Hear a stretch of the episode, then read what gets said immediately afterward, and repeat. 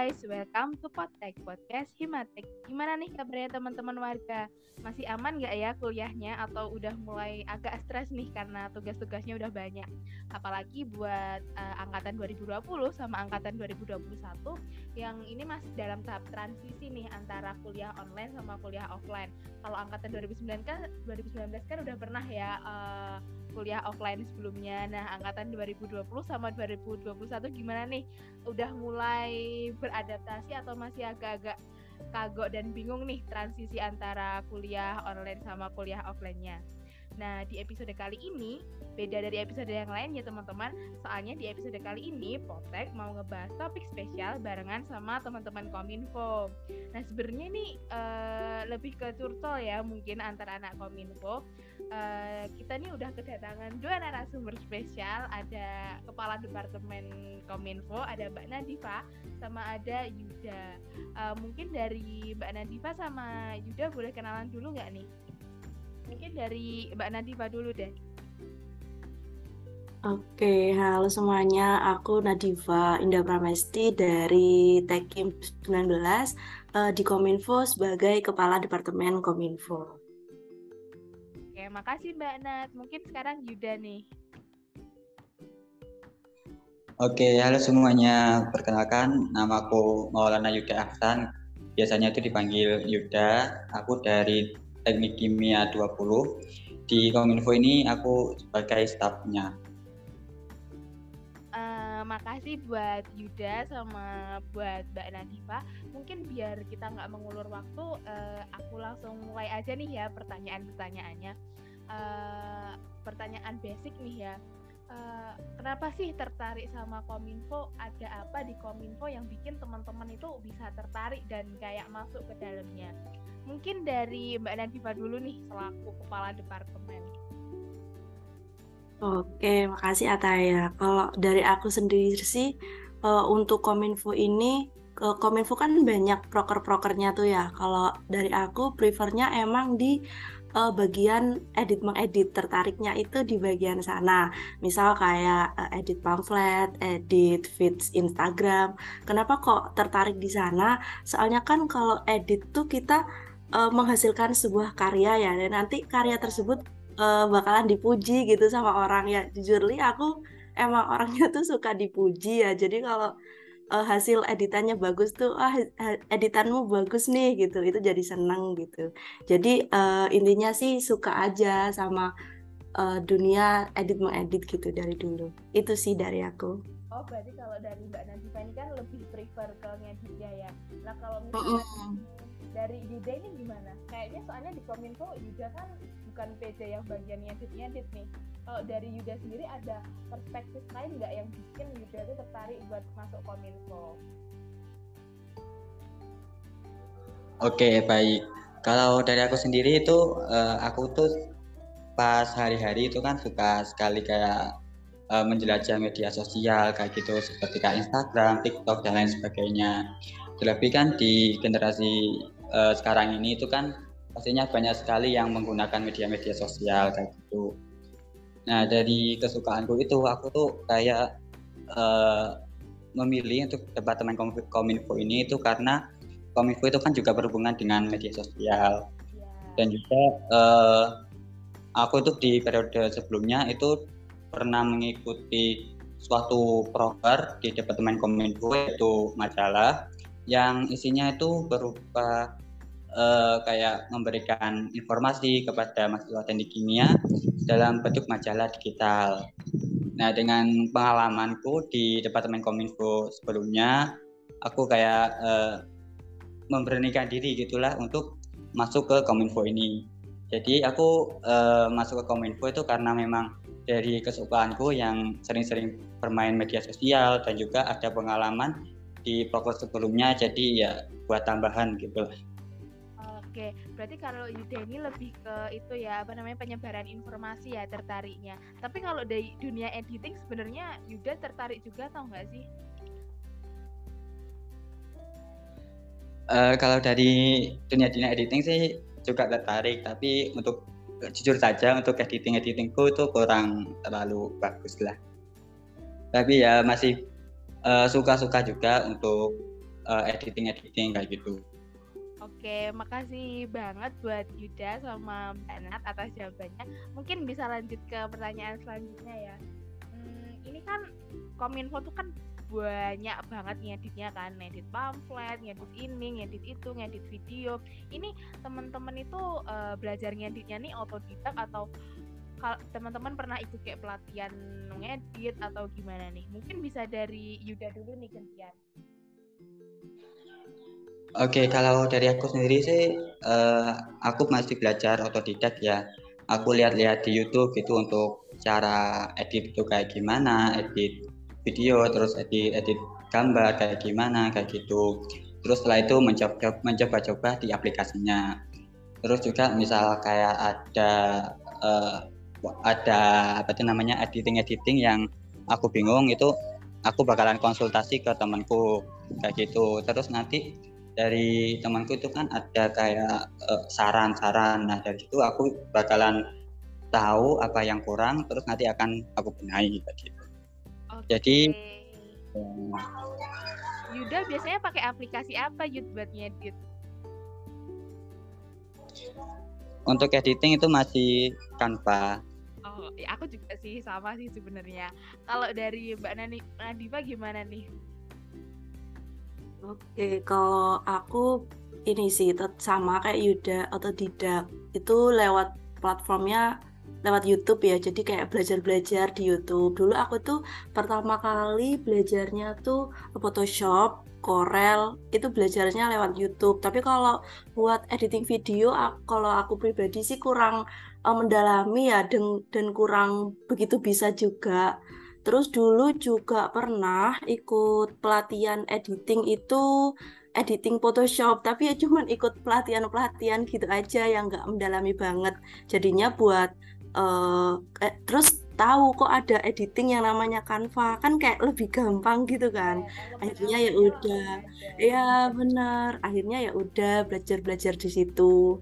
Terus kayak uh, download aplikasinya ya udah mulai editing di sana juga kalau Photoshop Corel Adobe Illustrator itu kan harus lewat laptop ya. Kalau yeah. Canva kan bisa dari HP, jadi kayak praktis aja gitu. Misal kita lagi ke mana, terus tiba-tiba ada dadakan upload konten atau bikin desain itu bisa lewat HP. Gitu sih dari aku. Kalau dari Mbak Nadifa nih, dari tadi aplikasi-aplikasi yang udah Mbak Nadifa sebutin, yang menurut Mbak Nadifa tuh paling enak tuh yang mana? Kalau buat sekarang ini Canva sih ya, emang. Karena fleksibel ya. Cuma iya benar. dari fitur-fiturnya tuh lebih advance yang mana mbak? Kalau aku sih ya tetap ya Photoshop kayak Adobe Illustrator itu lebih uh, istilahnya kayak edit desain grafis yang lebih profesional gitu. Kalau Canva kan ya udah ngeditnya gitu aja gitu. Ya kalau uh, aplikasi yang lain kan bisa buat desain uh, baju gitu, yeah. desain mock up juga bisa kayak gitu sih lebih profesional aja yang aplikasi buat di PC gitu oke berarti mbak Ranifa ini levelnya udah beda ya aku soalnya enggak sih sama soalnya juga masih sama bu. Canva kalau ngedit ngedit malah jujur kayaknya kalau ya, tetap opsi ya, opsi terakhir tetap Canva soalnya sama Corel aku dulu juga belajar Corel tuh ya masih lebih susah ya daripada Canva yang tinggal tempel-tempel aja. Kalau Adobe malah aku juga belum pernah nyoba sih. Malah Mbak Nadifa nih udah lebih advance lebih profesional nih. Boleh dicoba buat Mbak Ataya ya nanti boleh deh nanti dulu. Oke lanjut ke pertanyaan selanjutnya nih. Ini uh, kebetulan tuh kemarin tuh aku nemu kayak sebuah tweet nih kalau yang bilang kalau misalkan kominfo, PDD atau yang berhubungan sama edit-edit tuh ibaratnya kayak lingkaran setan. Mau lari ke mana pun mau pindah divisi kepanitiaan apa pun organisasi apa pun tuh sekali PDD tetap PDD emang iya ya kayak eh, kayak gitu? Menurutnya Mbak Nadifa sama Yuda bener nggak sih statement itu mungkin bisa dijawab dari Mbak Nadifa dulu Kalau dari pengalaman pribadiku sendiri itu relate sih, karena nggak mulai kuliah aja ya, mulai SMA itu udah bergulat di bidang itu, di, di PDD gitu tuh mulai awal emang, soalnya kalau kita, uh, misal teman-teman udah tahu kita bisa di bidang itu ya bakalan dipercaya di bidang itu gitu. Iya benar. Bakal diminta terus di, disuruh di situ kan. Saya Iya benar. sih Iya kan, jadi kayak dulu tuh semester uh, waktu awal-awal itu jadi PDD ya udah seterusnya kayak bakalan di PDD juga. Kalau aku sendiri nggak bukannya nggak minat ya, tapi emang nggak mau nyoba aja di kayak bidang divisi yang lain. Jadinya ya udah PDD ngedit udah gitu sih. Kalau pengalamanku nih Mbak, uh, aku tuh pernah daftar kepanitiaan yang non PDD. Eh dipindahnya juga ke PDD juga pada akhirnya jadi kayak ya menurutku juga kayak lingkaran setan sih bakalnya balik ke situ terus soalnya emang track recordnya udah PDD ya udah kamu bisa ya. di PDD ya udah PDD gitu ya. kalau dari Yuda mungkin ada pengalaman yang sama kayak aku sama Mbak Nat gak nih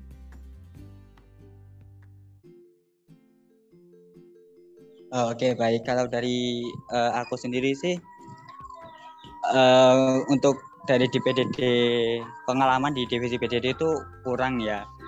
Apalagi terlebih pas juga mulai awal-awal ikut kepanitiaan aku juga kayak menghindar untuk ke divisi PDD karena memang uh, aku tuh kayak kurang terlalu bagus buat desain-desainnya. Namun setelah um, mencoba untuk masuk ke masuk ke kominfo aku juga sudah mulai mencoba untuk edit. Akhirnya juga berujung ke PDD yaitu di kepanitiaan open talk gitu.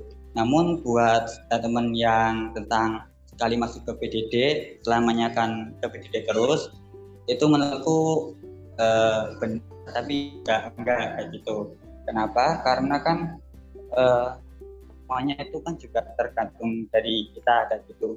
Kalau memang kita tuh kayak basicnya terus kayak suka hobi-hobinya skillnya itu di bidang editing itu pastinya uh, juga bakalan dipercayai di PDD kayak gitu. Namun kan kita kan juga kayak ada uh, ke apa ya namanya ya kayak keinginan mungkin mau pindah ke divisi lain kayak gitu itu kan juga bisa. Um, makasih nih Yuda udah mau share pengalamannya ya.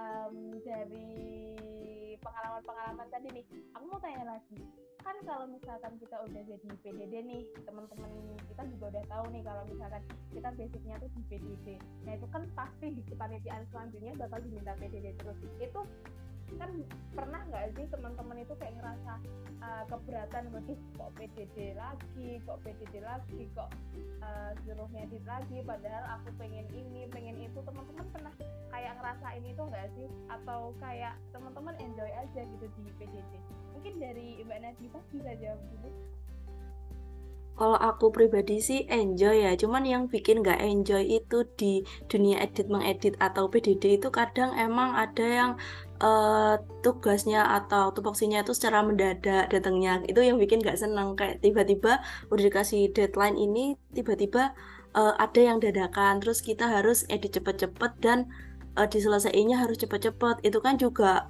mikir ini editannya kayak gimana ya kurang gimana ya. Dan kalau terburu-buru itu biasanya kan hasilnya menurut kita itu kayak kurang memuaskan gitu. Ya jadinya yang bikin nggak enjoy itu ya gitu tiba-tiba ada tugas yang mendadak. Itu sih. dari Mbak Nandita pernah nggak sih bingung kayak ya Allah ini harus tak edit gimana lagi? Kayak udah kehabisan ide gitu pernah nggak sih kayak nemuin hal-hal kayak gitu pernah pernah. Aku pernah stuck. Itu akhirnya aku konsultasi ke temen ya ini ini bagus nggak kayak gini ya? Gitu ini kurang apa kurang apa? Gitu ya. Solusinya sih konsult konsultasi ke temen. Kalau enggak ya istirahat dulu tenangin pikiran sebentar terus cari-cari ide atau referensi referensi lagi gitu. Oke. Kalau dari Yuda gimana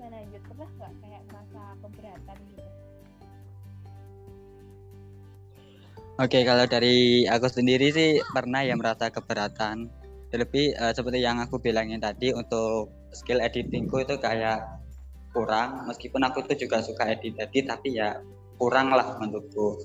Nah misal aku kayak dipacarai tugas ke desain desain atau itu aku, itu kadang juga kayak ngerasa kenapa kok aku? gitu loh. Padahal kan juga ada teman-temannya yang lain yang mungkin lebih uh, baik untuk urusan editingnya gitu sih uh, ini tadi pertanyaannya sama kayak Mbak Nadifa sih. Pernah nggak sih Yuda kayak ngalamin uh, stuck ngedit gitu? Kayak bingung mau ngedit kayak desain apa lagi inspirasi dari mana lagi gitu. Kalau urusan itu sih sering ya banget malah banget malah. Kalau misal ada hal-hal yang kayak stuck atau bingung mau diapain lagi nih mau ditambah-tambahi apa aku tuh mau aku tuh bakalan tanya ke temanku itu yang lebih uh, pengalaman lah dalam bidang editing kayak gitu. Aku bakal tanya apa ini yang kurang? Apa ini yang perlu ditambahin? Kayak gitu. Terus nanti bakalan tak pikir-pikirkan terus nanti juga tak tambahi kayak gitu. Oke berarti dari jawabannya Mbak Nat sama jadi bisa disimpulin kalau uh, apa namanya uh, tanya temen itu penting ya tanya pendapatnya temen itu penting ya kalau udah kepepet idenya gimana Iya benar. Oke nih, lanjut ya ke pertanyaan selanjutnya.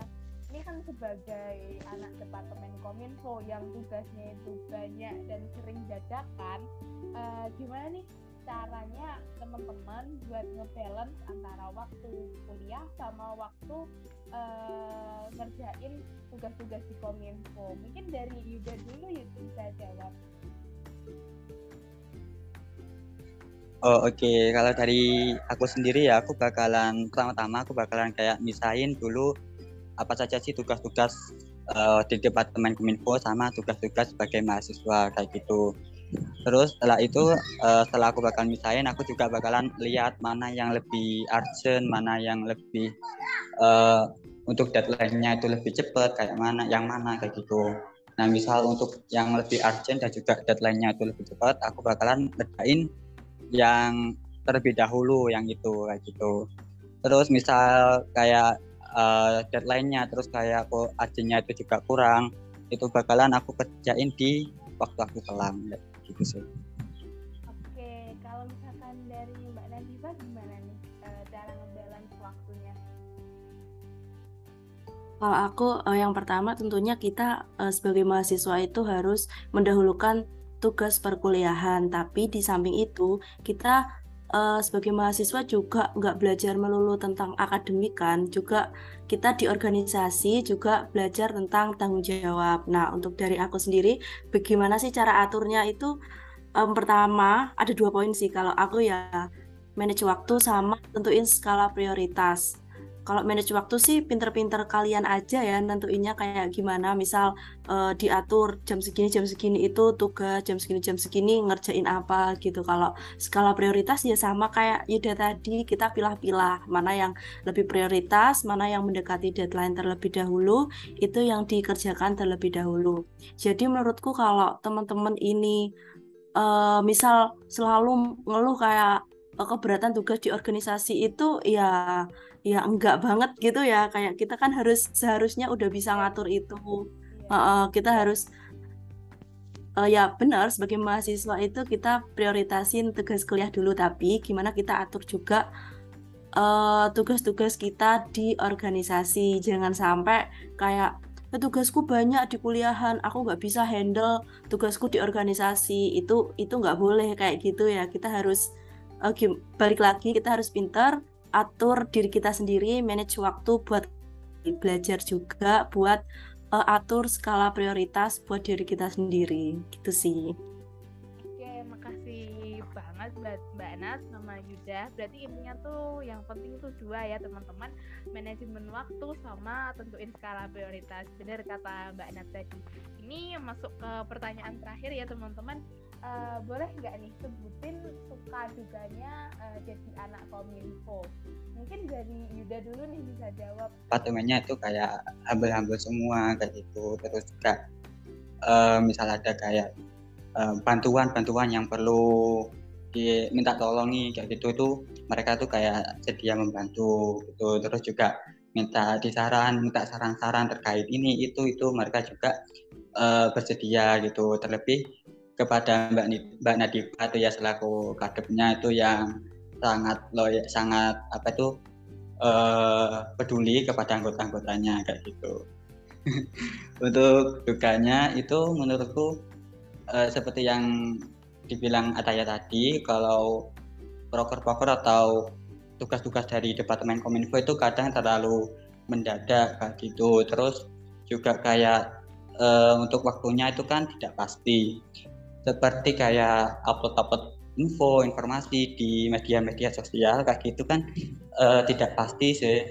Jadi ya untuk memanajemen waktunya itu kadang agak susah. Misal kayak di tengah-tengah ada kayak tugas terus tiba-tiba ada suatu informasi yang perlu diposting dalam satu hari itu juga itu kan untuk mem memanajemen waktunya itu kan agak bingung kayak gitu kadang-kadang. Berarti perannya Mbak Nat ini sangat-sangat membantu ya di Kominfo ya. Mungkin dari Mbak Nadifa nih bisa uh, ngejawab pertanyaanku tadi so, suka dukanya di departemen kominfo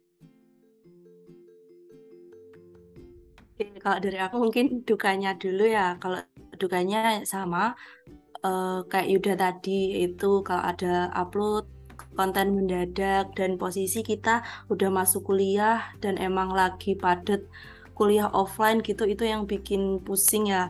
Kayak tiba-tiba ada uploadan ini harus diupload hari itu juga. Padahal dari Kominfo kan emang juga ada SOP-nya tapi emang udah jarang kita pakai karena yaitu harus upload. Apalagi kalau tiba-tiba ada kejadian kayak aplikasinya error itu yang bikin pusing juga ya nggak nggak nggak bisa upload hari itu juga di uh, di feeds Instagram terus kalau sukanya uh, sukanya ini buat Kominfo di Himatek aja ya. Kalau sukanya sih aku suka sama anak-anaknya, bekerja dengan teamwork, uh, gercep juga, terus uh, ya saling membantu.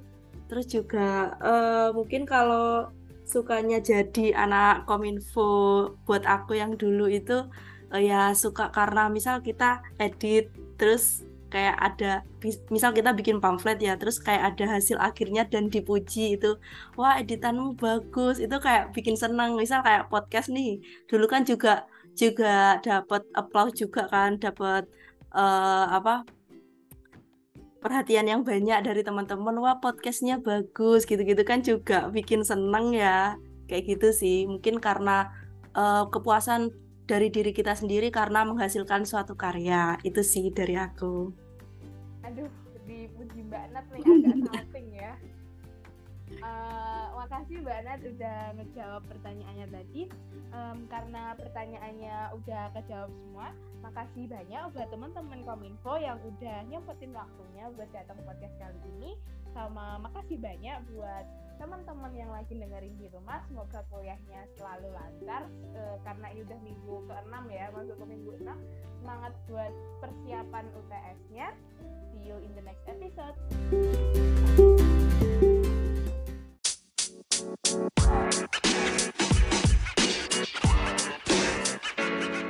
man. You.